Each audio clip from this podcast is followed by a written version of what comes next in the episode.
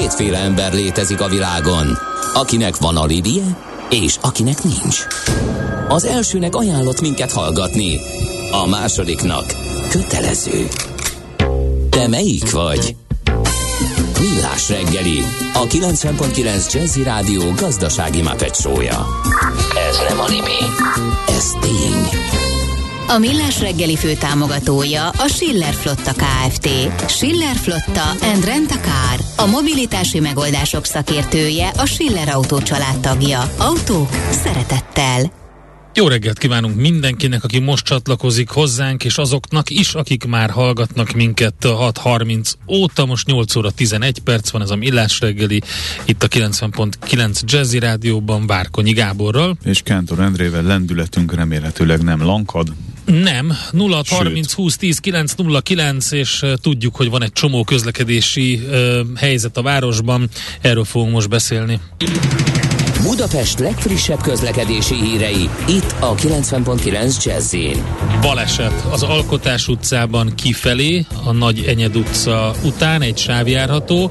Baleset a Fiumei úton, a salgó utca után a belső sávban, ez a 8. kerület, és a Nyugati téren, a Nagykörúton, a Nyugati téri felüljáró alatt a Petőfi híd felé csak egy sáv járható, ott is uh, nyilván káosz alakul ki hamarosan, és nagyon erős a forgalom továbbra továbbra is az M3-as főváros felevezető szakaszán Bag, Gödölő, Magyarót térségében. Ugye ott korábban volt egy baleset, és emiatt egy nagy torlódás alakult ki.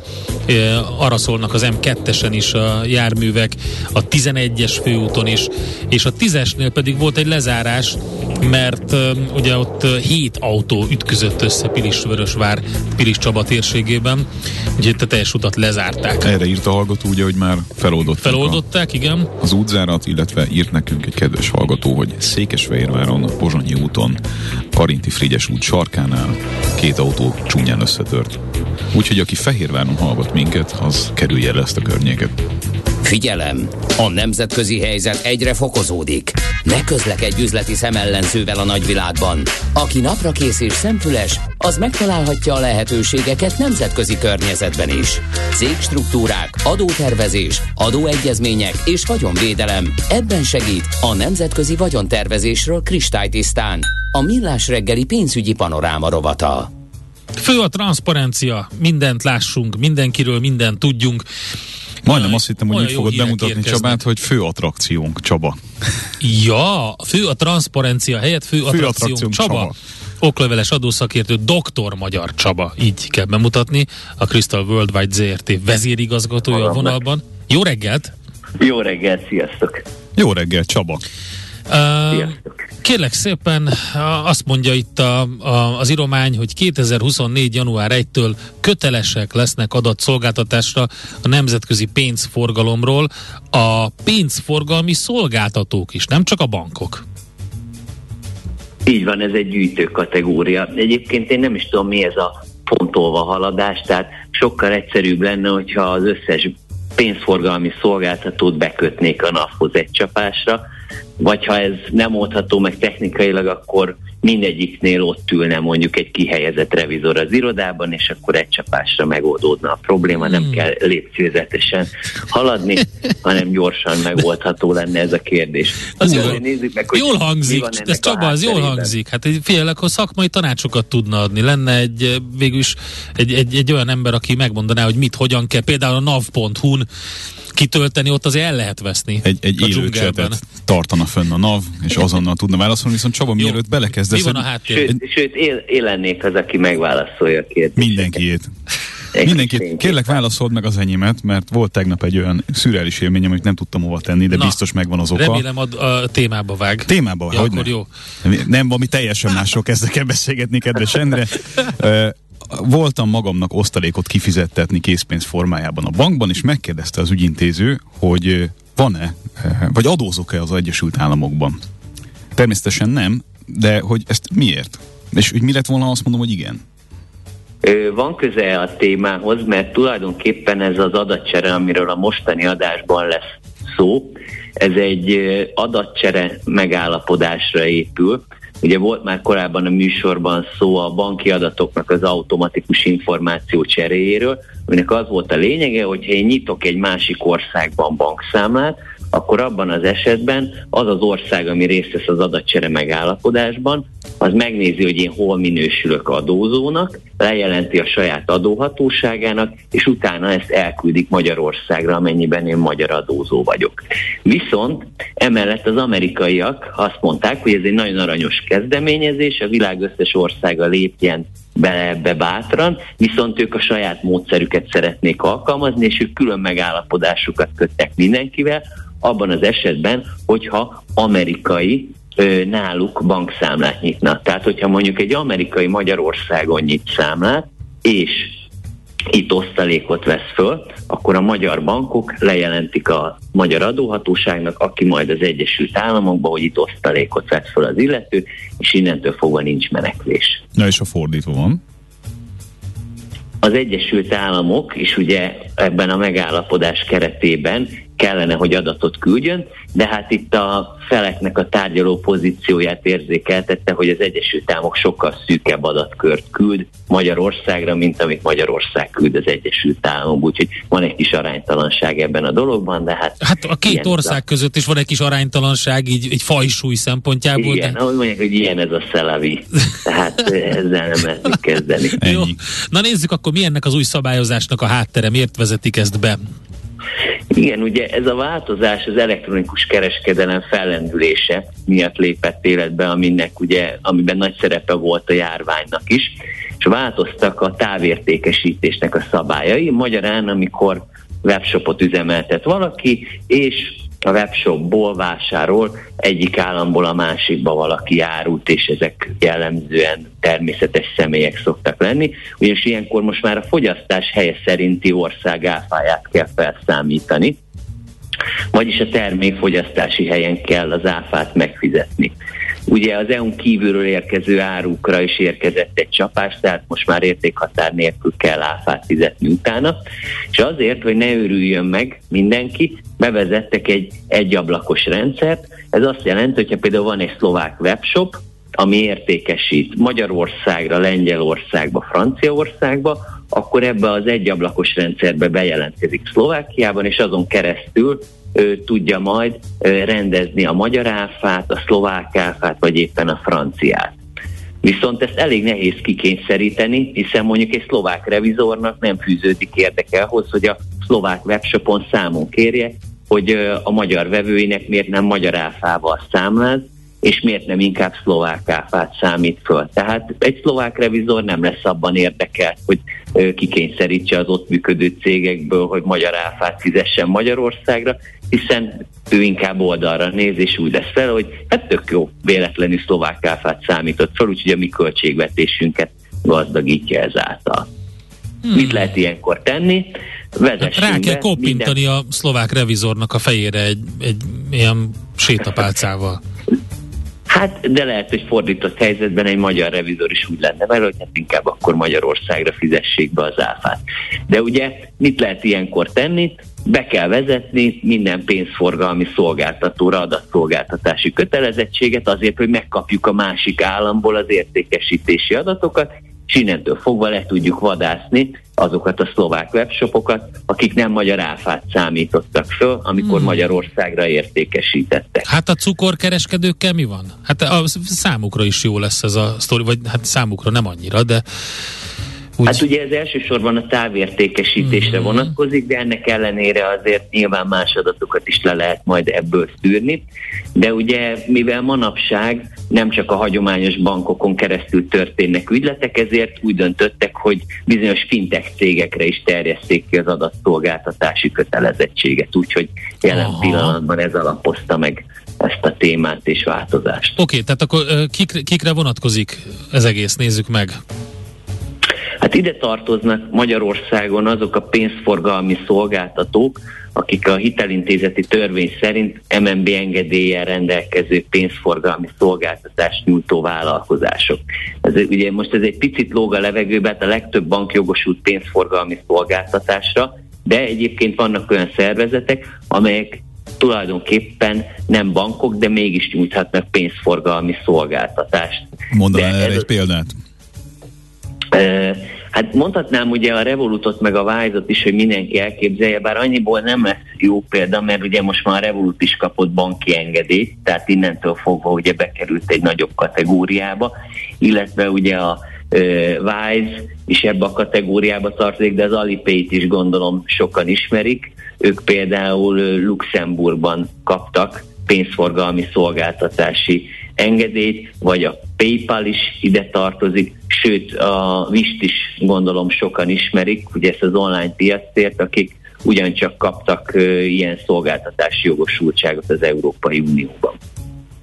Tehát minden, tehát azokra a pénzforgalmi szolgáltatásokra kell gondolni, akiknél határon átnyúló pénzutalás e, történik, ugye? Ö, nem csak, ez lehet belföldi is, de jelen pillanatban az adatszolgáltatási kötelezettség az azokra az esetekre vonatkozik, amikor határon átnyúló ö, utalások történnek. Uh-huh. Okay. Tehát igazából az irányelv csak azokra a pénzforgalmi szolgáltatásokra vonatkozik, ugye ez egy uniós irányelv, amit mindenkinek be kell ültetni a saját országába, amely határon átnyúló pénzutalást eredményez, és a fizető fél az egyik uniós tagállamban, vagy a kedvezményezett egy másik tagállamban ö, található, vagy harmadik országban. Most mit kell elküldeni? Milyen adatok jönnek itt le?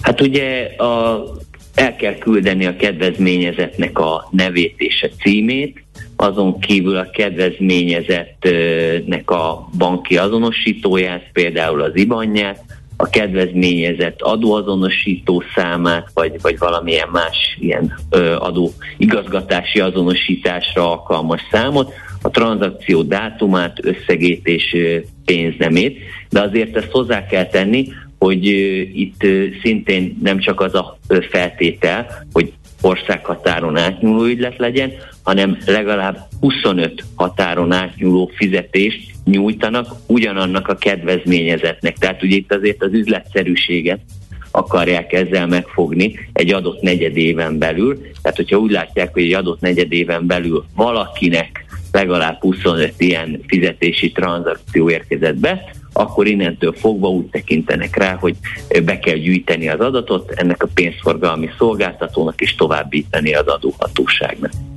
És akkor ezt árgus szemekkel figyeli a NAV, és azt mondja, hogy hop, hop, hop, hop, és rögtön mi történik ilyenkor? Ki, ki, kinek szól a NAV, hát, hogyha gáz van?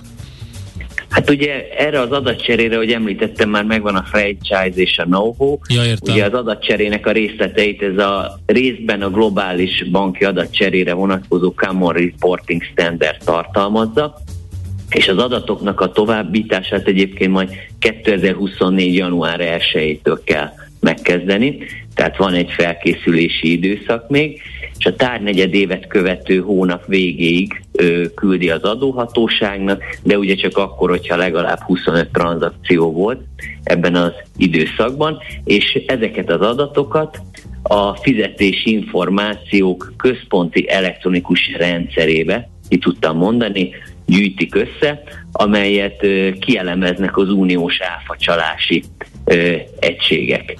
Ilyenkor mindig eszembe jut a Matrix című filmben az a jelenet, amikor így a zöld színű adatsorok csorognak lefelé a képernyőn, Smith ügynök pedig hirtelen megjelenik az arra sétáló járók testéből kikelve, így kell elképzelni a csalás elleni egységeket is, akik utána lecsapnak a lázadókra.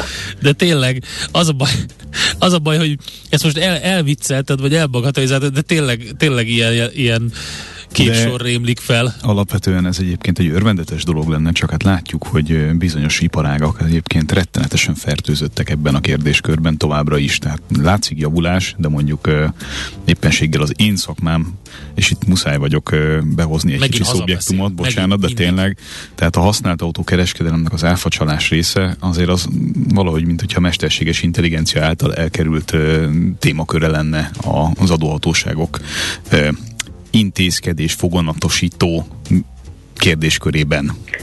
Egyébként nagyon sok előrelépés történt már azért a gépjármű csalásos történetekben is, tehát egész egyszerűen azért nagyon sok esetben a, egész egyszerűen a németek van, hogy nem értékesítenek magyar cégeknek autót, mert annyi magyar fiktív cégre vásároltak már Németországból autót, és vannak olyan rendszerek beépítve, hogyha például ugyanarra a magyar cégről jelentenek értékesítést rövid időn belül Belgiumból, Franciaországból, Luxemburgból, Hollandiából, akkor most már villog a rendszer, tehát azért igyekeznek ezeket az adatokat begyűjteni. Az egy másik kérdés, hogy a csalási mechanizmusok is mindig fejlődnek és okosodnak a gépjárműves áfacsalók, de van már riasztási rendszer az Európai Unió belül külön a gépjárműves csalásokra. És mi van azokkal a területekkel, ahol mondjuk nem lehet ilyen könnyedén megfogni az adott tárgyat, tehát mondjuk itallal, vagy cukorral, vagy... Hát azt tehát... már mondtam, de igazából mindegy, mert hogyha kötelező az adatszolgáltatás, akkor itt van, hogy még egyes jövedelmeket is nevesíteni kell ugye az adatoknál, amit a hatóságok részébe el kell küldeni. Ugye most érdemes elkülöníteni, hogy ö, elsősorban ez az adatcsere ö, azért született, ugye ezeket a webshopokat megregulázzák, uh-huh. és akkor a megfelelő ország szerinti áfát számítsák föl. De például ez a klasszikus ilyen cukros csalások, gabonás csalásokra már korábban elindult egy figyelési Igen. rendszer, amit tulajdonképpen arról szólt, hogy a közösségi értékesítéseket mindenkinek le kell jelentenie, begyűjtik egy adatbázisba, és ugye ott tudnak, azt megosztják egymással az adóhatóságok, és ugye onnan is lehet adatokat nyerni. Tehát például a Magyar NAV is látja, hogy mondjuk Németországból jelentettek értékesítést egy magyar cégre, viszont annak a magyar cégnek mondjuk már kétszer nem nyújtották be az áfa bevallását. Ugye itt van egy terminus technikus, úgy látják, hogy lehet, hogy egy missing trader van a láncolatban, és akkor igyekeznek gyorsan rámozdulni. Az egy más kérdés, hogy lehet, hogy egy hajléktalan nevén van a cég, és ő nem sok mindent mond, de hogyha nem fizették ki a hajléktalant, akkor elképzelhető, hogy csicseregni fog, hogy egyébként ki volt a valódi megbízója, és akkor mennek tovább. Jó van, hát figyeljük akkor, hogy mi történik ezzel is. Köszönjük szépen, hogy felhívtad a figyelmet, meg tisztába tetted azt, hogy mi a helyzet ezzel a um, január 1-től, ugye 2024. január 1-től ezzel a kötelező adatszolgáltatással. Jó munkát neked, köszönjük szépen Csaba. Szia Csaba. is, sziasztok. Dr. Magyar Csabával beszélgettünk, a Crystal Worldwide ZRT vezérigazgatójával. Ez a kötelező adatszolgáltatás pénzforgalmi szervezetek vagy szolgáltatók számára. Ez volt a fő témánk. Járj mindig egy lépéssel előrébb. Elemezzük együtt a határon átnyúló ügyleteket jogi és adózásügyi szemszögből. Emlékezz, ne tedd az összes tojást egyetlen kosárba. Ez a pénzügyi önvédelem tudománya. Nemzetközi vagyontervezésről kristálytisztán. Van egy svéd duó, úgy hívják őket, hogy First Aid Kit, és lehet, hogy emlékszem még rájuk, volt a, ez a Tiger Mountain Peasant Song, valamikor 2010 környékén, amivel híresek lettek. Egy testvérpár Johanna és Klára Zöderbergről van szó, zseniális zenét játszanak, eléggé ível fölfel a karrierjük, úgyhogy ők következnek most. Következzen egy zene a Millás reggeli saját válogatásából. Music for Millions. Aranyköpés a Millás reggeliben. Mindenre van egy idézetünk. Ez megspórolja az eredeti gondolatokat. De nem mind arany, ami fényli. Lehet kedvező körülmények közt gyémánt is. Nem mindenki nyer a genetikai lottón, mint az olimpikonok, arra azonban mindenki képes, hogy világos célokat tűzön maga elé, és keményen dolgozzon azok eléréséért. Mondta Csíkszent Mihály Mihály. Mihály napon. Mihály napon, így van ráadásul, neve napja is lenne. Uh, 1934-ben ezen a napon született ő. A flow élmény, ugye talán így mindenkinek beugrik, egy nagyon összpontosított elmeállapot koncepciójának a megalkotója. Ő hát többek között a Claremont Graduate University pszichológia és menedzsment tanszék professzora volt, a Chicago Egyetem pszichológia intézetének, a Lake Forest College-nak a antropológia Szociológiai Intézet vezetője, úgyhogy eszméletlen, és nagyon érdekes, hogy fiumében született 1934-ben Olaszországban, Clermontban hunyt el tavaly októberben, úgyhogy, és ennek ellenére ugye egy, egy magyar szakértő tudósként gondolunk rá, mert hiszen magyar nemzetiségű családba született. Az, az, az és nagyon érdekes, akkor Olaszországhoz tartozó filmében tíz évesen menekült el Velencébe családjával, és akkor még sem magyarnak, sem olasznak nem érezte magát. És miután Rómába költöztek, akkor elkezdett már úgy kipoltolni, a családi költségvetést úgy kipoltolni, hogy alkalmi munkába kezdett, és rögtön elkezdett. Például az idézet is azért érdekes, hogy rögtön elkezdte ezt a, szerintem ezt a fókuszált, összpontosított elmeállapotot megalkotni, vagy ennek az alapjait. Úgyhogy érdekes, nagyon érdemes tőle olvasgatni, magát az élet útját is átnézni, úgyhogy Csíkszent Mihály Mihályra emlékeztünk. Aranyköpés hangzott el a millás reggeliben. Ne feledd, tanulni ezüst, megjegyezni arany. A műszer neked egy fal, a sebesség egy váltó, a garázs egy szentély. Zavar, ha valaki elbetűvel mondja a rükvercet. Mindent akarsz tudni az autóvilágából? Akkor neked való a millás reggeli autós rovata. Futómű. Autóipari hírek, eladások, új modellek, autós élet. Kressz. Még mielőtt az autóba bele ö, csapunk, gyorsan egy közlekedési info. A BKK-tól most jött egy sajtóközlemény, hogy új oldalon böngészhető a BKK összes fejlesztése. Tehát ez egy az átláthatóság, ügyfelek tájékoztatása érdekében nyilvánosan elérhető oldalon minden információ megtudható a jelenlegi és jövőbeli fejlesztésekről, úgyhogy a megújult oldal bkk.hu nyilvános forgalmi adatok adatbázisa, itt kell nézni a fejlesztéseket, többek között azokat a villamos átalakításokat, amikről beszéltünk. Na, nézzük akkor, hogy mik a hírek Frankfurtból. Az egyik legnagyobb és leghíresebb autókiállítás. De ez nem az IA. Ja, bocsánat, ez akkor nagyon melyik? fontos. Ez Frankfurt, csak automechanika Frankfurt, Á, ami egy ilyen váltógazdaságban működött addig, amíg volt egyébként frankfurti IAA, de ugye ja, az ja, már nincs. Igen. Ugye az, az IA az, az szintén váltógazdaságban működött a Párizsival. Az egyik évben Párizsban volt, a másik évben Frankfurtban volt igen. a, ja, a erre nagy európai. gondoltam, bocsánat. Így van, és akkor amikor éppen Párizsban volt uh, a... Na, tehát Igen, érted? Párizsban Tehát volt akkor, akkor nem volt Frankfurtban. így van, és, akkor fordítva volt, akkor volt az automechanika a másik Mhm. évben, a váltó évben, az automechanika kiállítás pedig egy ilyen milyen szakmai ügy, Ja, ja, ja. ahol Tehát gyakorlatilag akkor nem az új gépjárművek voltak öm, kirakva, hanem, Hanem az új fejlesztések. egy minden, ami ilyen- az autóiparban Ah, van. Ah, szuper. Tehát gyakorlatilag a, a, a fékbetéttől a, a lézer ö, ö, szkennerig Mhm. Aha, minden. Ez az a hely, ahol ilyen 10-15 kínai ö, turista ö, nagyítóval vizsgálta a BMW új Range Extenderét, és mindenfélét megkérdeztek róla. Hát általában az ázsiaiak egyébként ö, ezt szokták ö, csinálni, Turista vagy legalábbis megvannak ezek a... Turista. Igen, igen, igen, megvannak ezek, a, megvannak ezek az anekdóták különböző korai, Hát, korábbi. igen. De itt tényleg minden van. Tehát ebben az az Jó. érdekes, hogy itt, itt abszolút az autó ápolástól kezdve a, a karosszéria bemérésen át, a húzatópadon keresztül, a mit tudom én, ö, ö, legújabb ö, elektromos autó töltő berendezésekig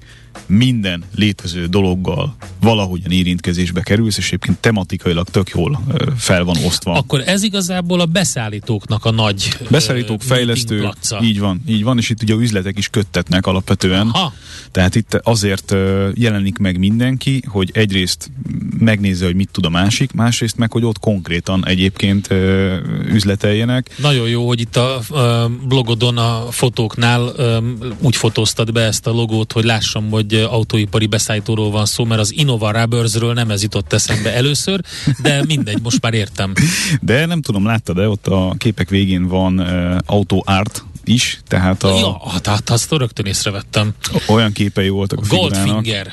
Ben. Luznak olyan képei voltak minden létező tematikában, hogy percekig álltam előttük.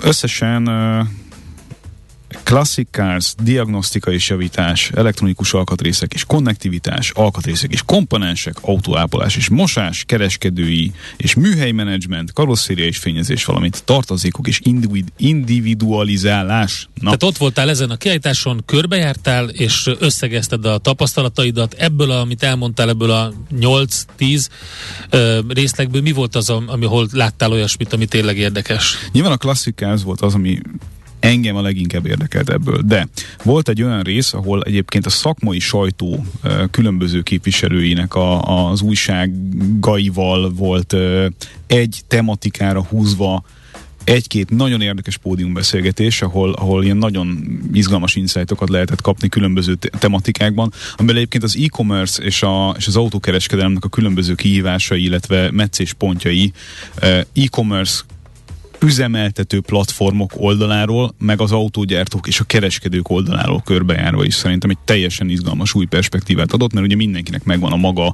nyűnyükéje ezzel kapcsolatosan. Aki a platformot üzemelteti, az értelemszerűen abban érdekelt, hogy minél több mindent lehessen a lehető legegyszerűbben standardizálni, és gyakorlatilag a az iparág különböző szereplőit bevonva az ügyfelekkel összehozni, úgyhogy nyilván a végén ők pénzt keressenek ezen az egészen. Az autógyártó értelemszerűen abban érdekelt, hogy a lehető legtöbb mindent saját magához tudjon vonni, tehát hogy, hogy a lehető legtöbb információval rendelkezve a lehető legközvetlenebb kapcsolatot tudja létrehozni ugye a, a vevőkkel. A kereskedő meg értelemszerűen abban érdekelt, hogy hogy az ő kis marzsa az meg tudjon maradni, és olyan többletértéket tudjon ebben a rendszerben, ebben az új rendszerben is létrehozni, hogy nehogy véletlen feleslegessé váljék.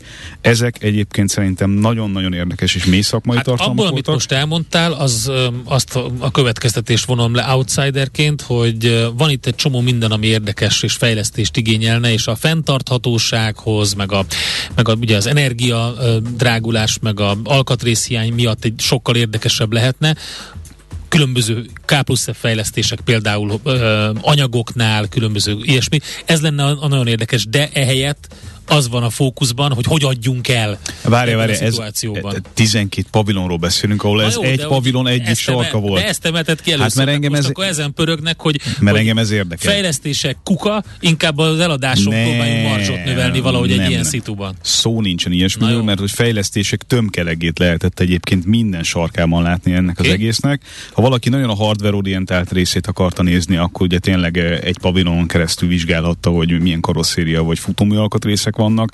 Ha valaki meg kifejezetten mondjuk az elektromobilitással kapcsolatosan akart itt megtudni újdonságokat, akkor mondjuk két nagyon izgalmas téma volt, mind a kettőt végighallgattam. Az egyik például egy olyan startup jellegű cégnek a, a, a kezdeményezése volt, amely azt akarja megreformálni, hogy hogyan fogunk akkumulátorokat felmérni. Uh-huh. Tehát hogyan lehet egy elektromos autóról használtan a lehető leggyorsabban, a lehető legnagyobb transzparenciával megtudni azt, hogy tulajdonképpen mit veszel, mert mégiscsak az akkumulátor. Kell egy ilyen fekete doboz benne, ami a használatot mutatja. Na, de ennek a különböző válfajait, meg, meg ezt uh-huh. technológiai szinten elmondani tök érdekes volt. Ugyanez a töltők kapcsán, ott különböző újfajta töltési megoldások, meg, meg viszonylag pénztárca barát töltőkapacitás növelés volt a, a kérdés fókuszában. Mi az IoT-ű? Internet of Things. Ne, ott mint, van, azt mint... írtad a blogodon, hogy a legforróbb téma az IoT-ű, hogy az ű az egy elütés? Az egy elütés. Ja, gondoltam, ez... Ű, a... mint elütés. Jó, csak azért, mert azt hittem, hogy ez valami német marhaság, hogy oda raktak valami ű betűt. Uber IoT, tehát az IoT a leg, legforróbb téma. Így van, és egyébként, hogy előadók Szenzorok az autókban? Is. Meg, meg ugye az önvezetéssel kapcsolatos egymással való kommunikáció.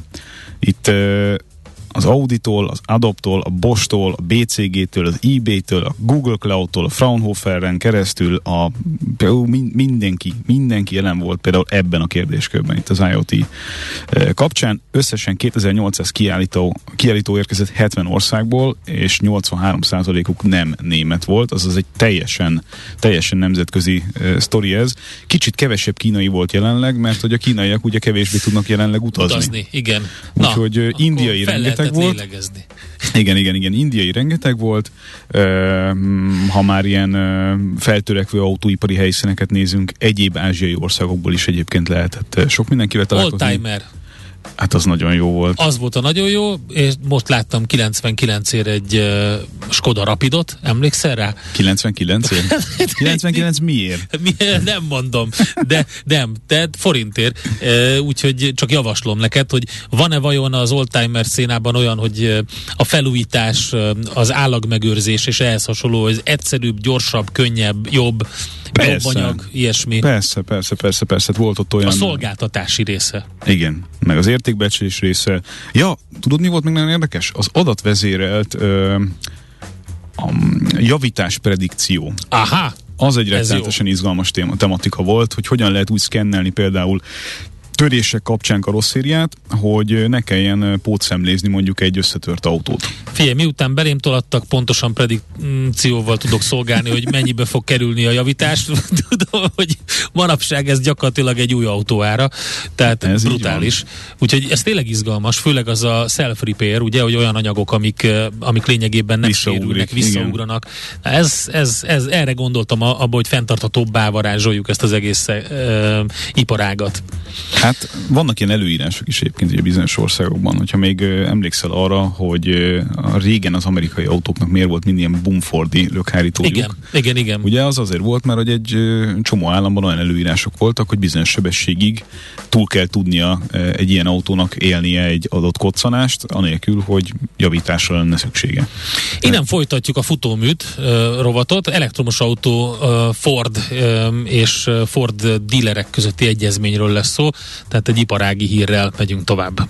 Folytatjuk a futóműrovatot itt a Millás reggeliben, és megnézzük, hogy mi ez az új megállapodás a Ford elektromos autó, elektromos autó részleg, vagy nem tudom, a kereskedők között. Na, az a rövid és lényegre törő összefoglalása ennek a problematikának, amivel szemben állunk itt az autóiparban, vagy nem problematika, a változás, inkább mm. így ö, fogalmaznám meg, hogy legyünk egy kicsit optimisták is, hogy mi a fenét kezdjenek a kereskedők, leginkább Észak-Amerikában egyébként azzal, hogy a, az elektromobilitás kapcsán értelemszerűen az e-commerce, ha már itt erről beszéltünk, tehát a, a közvetlen értékesítési modellnek a bevezetése, az ugye egy nagyon-nagyon forró téma, Leginkább ugye azért, mert az individualizációs lehetőségek értelemszerűen, újra és újra elmondom ezt a szót, de mindjárt megpróbálom kigyomlálni a, a szótáramból, elnézést kérek érte.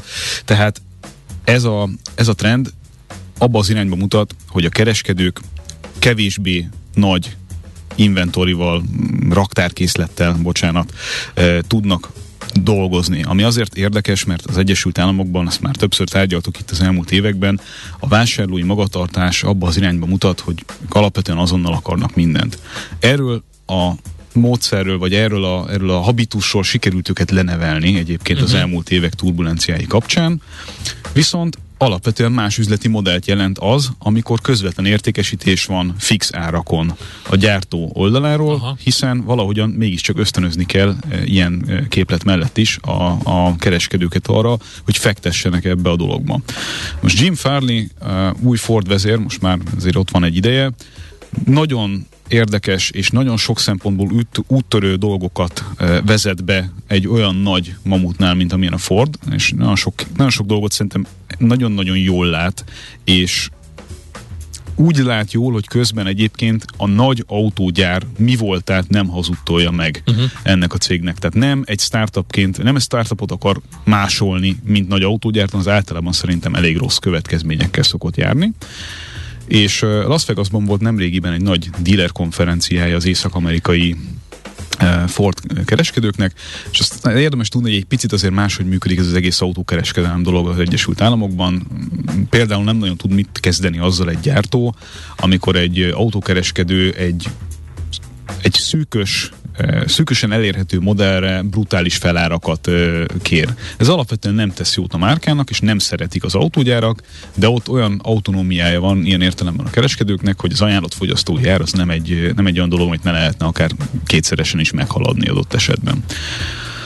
A, a hagyományos belső égésű motoros autóknak a piaci relevanciája Farley szerint a jövőben is meg fog maradni, Méghozzá ők is koncentrálnak olyan modellekre, amelyek ilyen tekintetben nagyon jó üzleti modellel rendelkeznek, és nagyon jó megtérülési mutatókat adnak.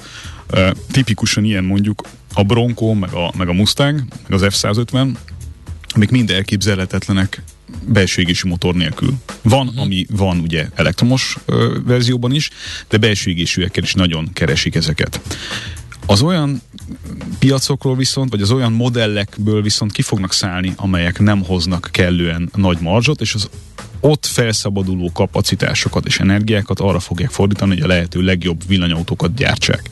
De a villanyautókkal akárki nem foglalkozhat innentől fogva, hanem az a díler foglalkozhat ezekkel, előre meghatározott időintervallumok és anyagi feltételek és egyéb szabályozott keretek kapcsán, aki vállalja azokat a dolgokat, amik ezzel járnak. Vállalja a fix marzsokat, vállalja az ebbe való befektetést. Hát ez kiszámítható, nem?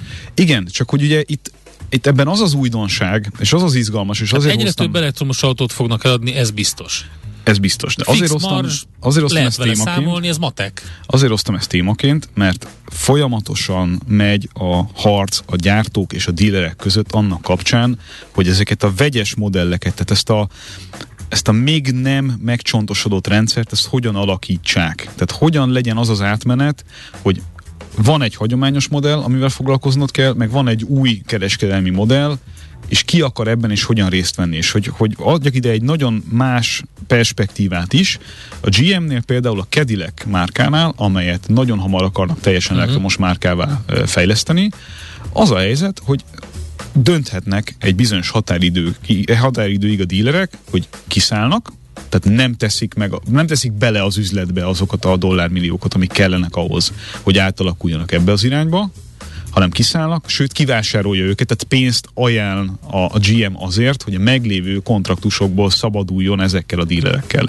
Legyen kevesebb díler, alapvetően ez a célja a GM-nek, ezeket inkább vásároljuk ki, és az, aki akar és hisz abban, hogy az elektromobilitás számára egy rentabilis üzleti modell lesz, az jöjjön velünk, aki nem, az meg hagyja el a hajót. Aha, és ehhez igen. képest a Ford egy más, egy más megközelítést választ, de azt mondja, hogy ilyen etapokra bontja a következő éveknek a változásait, és te, hogyha mondjuk az első etapban nem akarsz még benne lenni ebben a puliban, akkor mondjuk 24-től bizonyos autókat nem árulhatsz, de lehet, hogy te addigra már mondjuk mitten három évvel későbbre meggondolod magadat, mint dealer, és azt mondod, hogy jó, most már azt látom... Hát, tehát ez egy ilyen gyakornoki pozíció.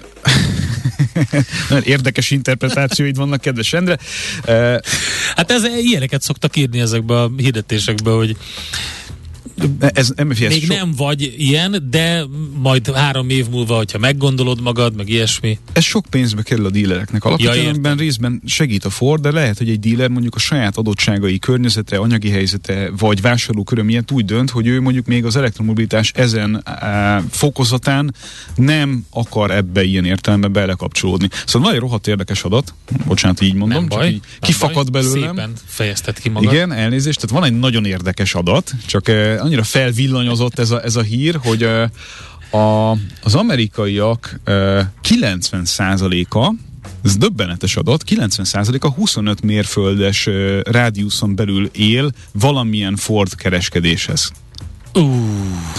Tehát nagyon nagy a hálózat, és Igen. ugye ezzel a nagyon nagy hálózattal Igen, azt akarják elérni, hogy a a, mondjuk az infrastruktúra kapcsán lévő hátrányaikat ugye minél gyorsabban le tudják dolgozni. Tehát saját gyakorlatilag supercharger jellegű dolgot minél gyorsabban tudjanak adni, és hogyha minden dílert rá tudnak arra venni, hogy ilyen jellegű beruházásokat a lehető leggyorsabban megtegyenek, akkor az egy rettenetesen nagy versenyelőny. Tehát az egész vége, amit, amit el akarok mondani egy okay. mondatban, az okay. egésznek a vége és eszenciája, Jöhet. hogy sok nagy autógyártóval szemben, akik a dílerek kivéreztetésére játszva szűkíteni akarják az ilyen jellegű ö, ö, infrastruktúrájukat, a Ford valamiért szerintem okosabb módon egy olyan partneri és, és, és jó viszonyt próbál ezekkel összerakni, ezekkel a dílerekkel, akikkel eddig is dolgozott, hogy ez alapvetően egy nagy versenyelőnyhöz tudja őket juttatni, úgyhogy közben a dílerek is megéljenek. Ez egy, ez egy szerintem nagyon-nagyon okos és, és akár perdöntő előny tud lenni a Ford számára, hogyha ezt kellően okos stratégiával viszik végig. Jó, oké. Okay megértettem. Futómű rovatunkban Várkonyi Gábor autóipari specialistát hallottátok. Most lefarkolunk, de jövő héten megint indexelünk és kanyarodunk, előzünk és tolatunk a Millás reggeli autós rovatában. Futómű a világ négy keréken. Most pedig hamarosan jön Czoller Andi a legfrissebb hírekkel, információkkal, majd utána IT rovatunkban.